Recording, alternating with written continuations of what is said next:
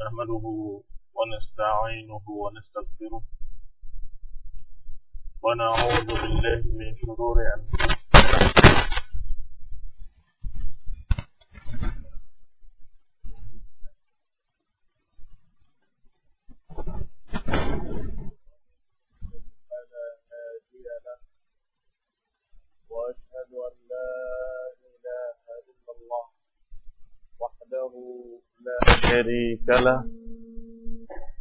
وأشهد أن محمدا عبده ورسوله صلى الله عليه وعلى آله وأصحابه والتابعين وتابع التابعين ومن تبعهم بإحسان إلى يوم الدين. يا أيها الذين آمنوا اتقوا الله حق تقاته ولا تموتن إلا وأنتم مسلمون.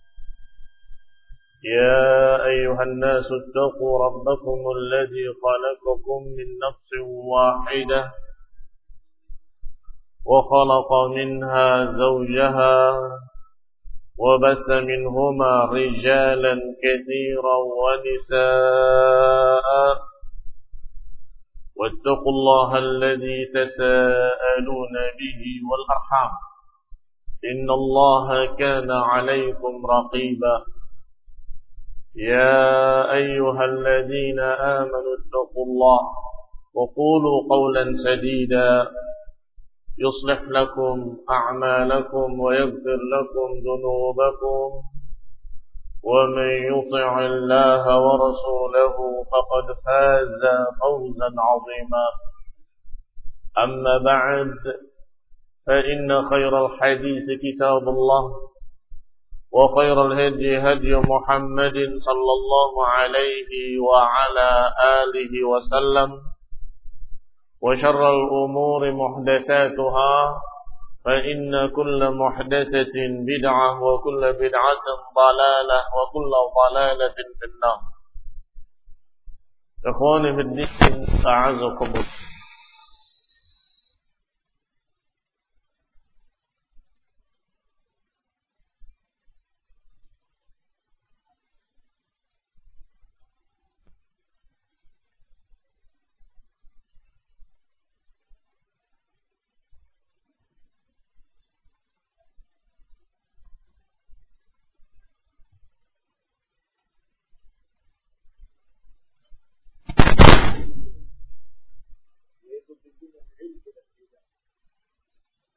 Allah turunkan hidayah. Allah utus Rasul Rasul. Semua adalah rahmatan. Rahmatan lil alamin. Rahmat bagi seluruh alam. Sebagai kebaikan. Sebagai kasih sayang dari Allah Subhanahu wa taala. Maka mereka-mereka yang menolak pemberian Allah ini adalah orang-orang yang sombong. Orang-orang yang tidak mau terima dengan apa yang Allah berikan ini. Berarti mereka yang tidak senang untuk mendapatkan kasih sayang.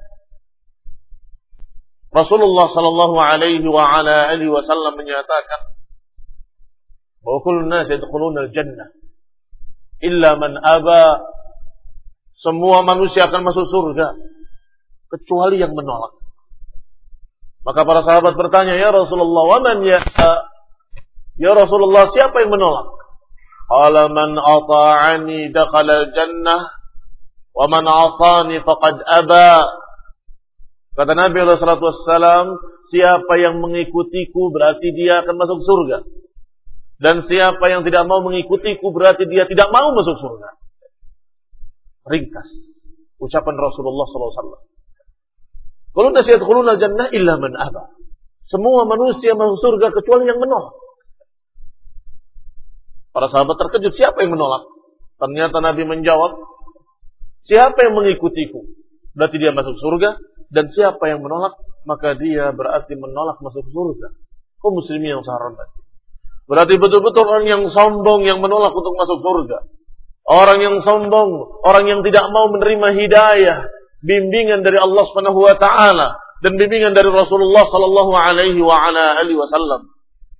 Bimbingan dari Allah berupa ayat Qur'aniyah dan bimbingan dari Rasulullah SAW berupa sunnah demi sunnah. Itu semua adalah hidayah, pemberian yang sangat berharga dari Allah Subhanahu wa taala yang akan memberikan kebahagiaan kita di dunia dan di akhirat. Maka Allah Subhanahu wa taala berfirman, "Fala wa rabbika la yu'minun hatta yuhaqqimuka fima shajara bainahum."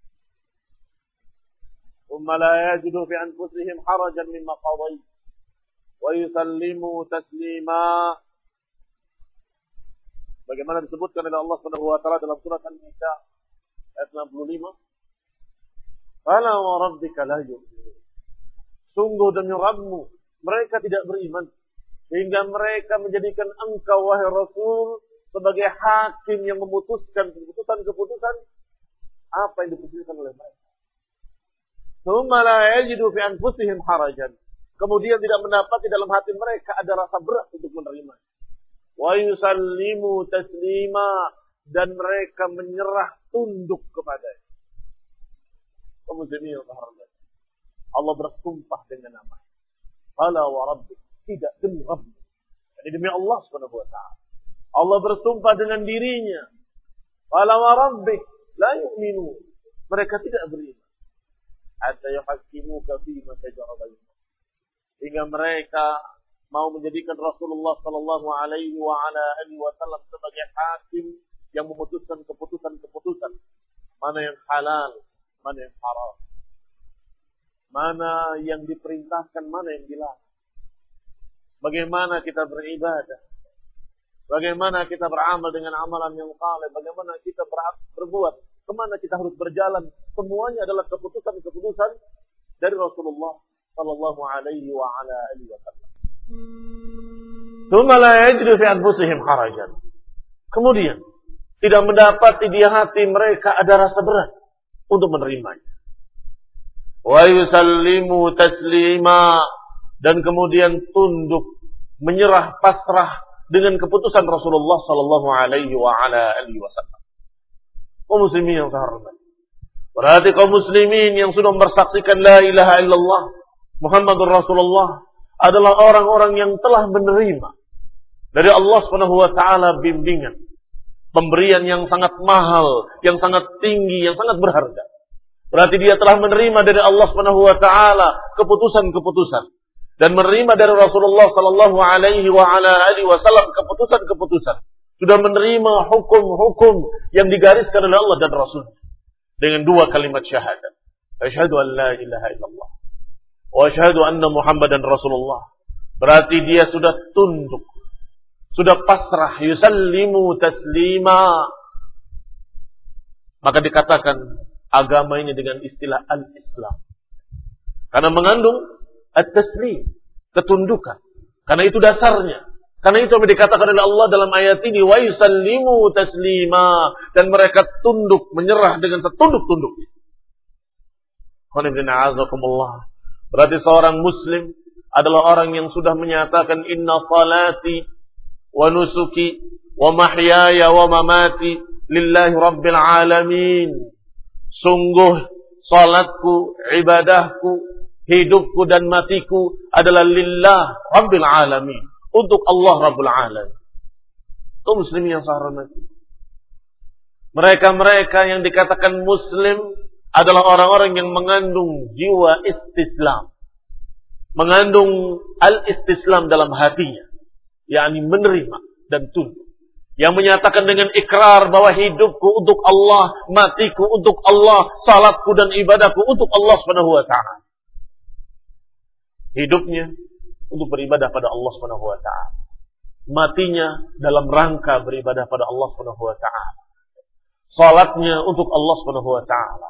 Demikian pula ibadahnya, sembelihannya, puasanya, semuanya untuk Allah Subhanahu wa taala. Oh muslimin. Dan itu makna yang terkandung dalam kalimat yang kita ucapkan dalam surat Al-Fatihah. Iyyaka na'budu wa iyyaka nasta'in. Kepadamu lah kami beribadah dan kepadamu lah kami meminta pertolongan. Kalimat iyyaka maknanya hanya kepadamu. Artinya kami hanya beribadah kepada engkau ya Allah. Tidak beribadah pada yang lain. Dan kami hanya berdoa meminta kepada engkau, tidak kepada yang lain. Dan ini juga makna tunduk. Bahwa kami hanya tunduk kepadamu. Dan tidak tunduk kepada lainnya. Wala yuhaqqiqal insan. Al-ubudiyah. Maka seseorang gak akan bisa mewujudkan peribadatan dengan sempurna. Kecuali kalau dia memiliki semangat taslim.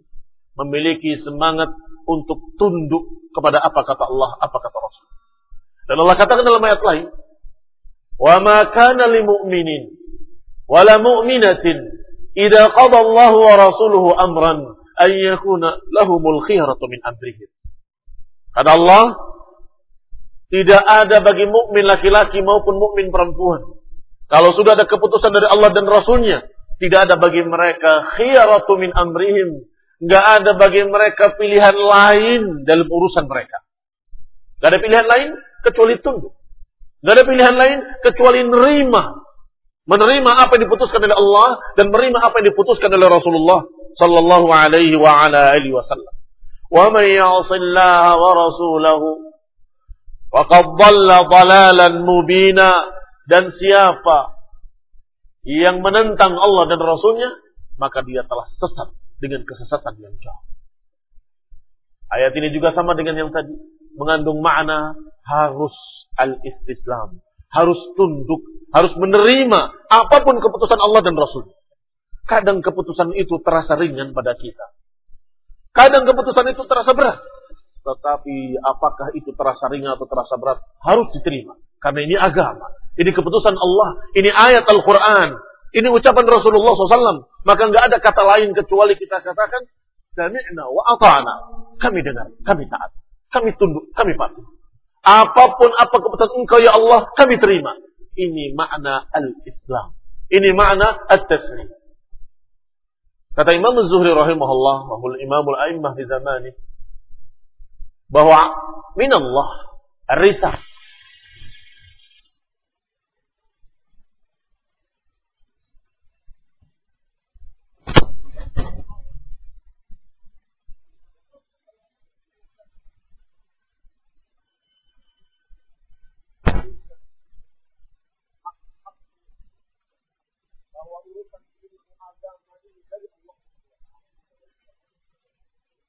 ar-risah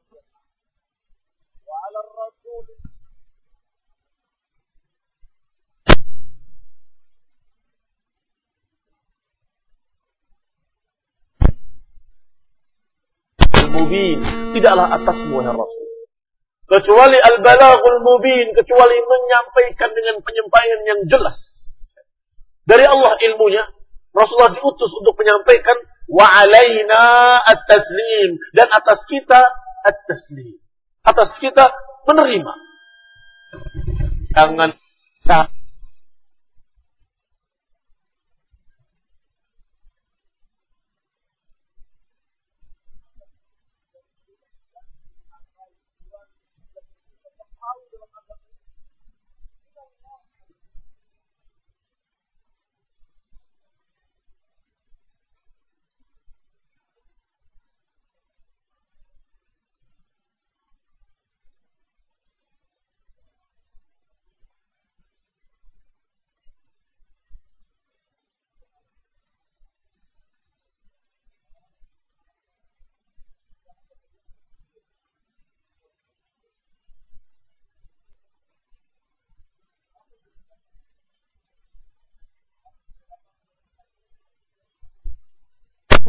maka apakah berupa perintah, berupa larangan, ataupun berupa berita-berita, keputusan-keputusan, semuanya harus kita terima.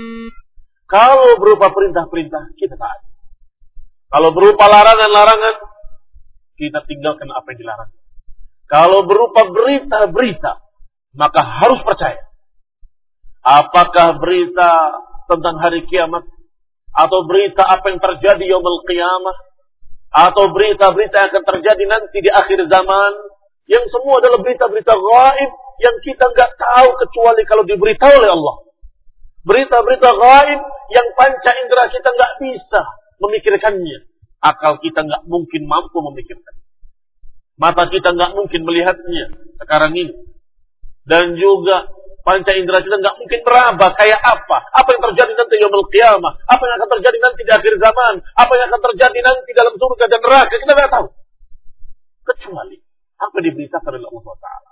Siapa yang percaya dalam berita-berita Quran tentang jannah wa nar, tentang hari kiamat, tentang hisab, tentang timbangan amal, tentang mahsyar, dikumpulkannya manusia di padang mahsyar. Siapa yang percaya dengan berita-berita ini bahwa mukmin, maka dia mukmin. Dan siapa yang tidak percaya dengannya berarti dia orang yang tidak percaya. Orang yang tidak percaya bahasa Arabnya adalah kafir, kafir, tidak mau percaya dengan apa kata Allah, apa kata Rasul. Demikian pula menerima berita-berita tentang Allah dan sifat-sifatnya dan nama-namanya dan semua af'alullah apa yang dilakukan oleh Allah, perbuatan-perbuatan Allah yang disebutkan dalam Quran. Yang disebutkan dalam hadis-hadis yang sahih, maka itu pun kita katakan aman nabihi kullun min indi rabbina. Aman nabihi kullun min indi rabbina. Kami beriman dengannya karena semuanya dari Allah. Dalam ayat-ayat Al-Quran, tentunya dari Allah. Karena itu ucapan Allah SWT. Dari hadis-hadis yang sahih, berarti ucapan Rasulullah SAW. Maka itu pun dari Allah. Karena Allah Rasul al-balag. Rasul hanya menyampaikan. Wa ma yantiqu 'anil hawa in huwa illa wahyun yuha.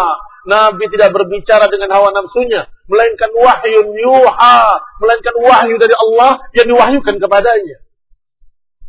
Maka dua-duanya, apakah dari Quran dan Sunnah adalah ucapan berita dari Allah Subhanahu wa taala. Kita katakan aman nabihi kullun min indi rabbina. Kalau berupa perintah dan larangan, kita katakan sami'na wa ata'na. Kalau berupa berita-berita tentang Allah dan sifat-sifatnya, dan nama-namanya dan afalnya, atau tentang akhirat, tentang jannah wa nar, tentang hisabul mahsyar, maka kita katakan aman nabihi kullun min indi rabbina. Hada huwal muslim. Inilah yang dikatakan seorang muslim, seorang yang memiliki ketundukan hati pada apa kata Allah dan Rasulnya. Seorang yang menerima, dibimbing oleh Allah menerima dibimbing oleh Rasulullah SAW. Seorang yang menerima pemberian Allah, rahmat Allah yang sangat luas. Adapun sebaliknya, orang yang menolaknya, maka mereka adalah orang-orang yang sombong, orang yang tidak terima dengan apa yang diputuskan oleh Allah, orang yang tidak percaya dengan apa yang diucapkan oleh Rasulullah SAW. Maka ikhwan ibn a'azakumullah muslim yang sahabat. Apa yang dikatakan oleh Allah Subhanahu wa taala, "Wa may yarju liqa'a rabbih falyamal 'amalan salihan wa la yushrik bi'ibadati rabbih ahada." Kata Allah di akhir surat Al-Kahfi, menyatakan siapa yang berharap untuk bertemu Allah hendaklah beramal dengan amalan yang saleh dan jangan menyekutukan Allah dalam ibadahnya dengan sesuatu apa pun. Beramal dengan amalan yang saleh dan hanya untuk Allah jangan disertakan bersamanya ilah-ilah yang lain dan jangan diberikan kepada siapa pun kecuali pada Allah Subhanahu wa taala. Siapa yang ingin bertemu Allah maka diberikan oleh Allah syaratnya. Syarat pertama falyamal amalan salihah. Beramal dengan amalan yang saleh. Amalan yang saleh, amalan yang cocok dengan bimbingan Allah tadi, yang cocok dengan bimbingan Rasulullah SAW, yang cocok dengan Quran was sunnah, yang sesuai dengan dalil-dalil. Itu yang saleh. Adapun yang bertentangan dengan dalil-dalil, adalah perkara-perkara yang sesat, menyimpang. Maka dikatakan di akhir ayat tadi, "Wa may wa rasulahu faqad dhalla."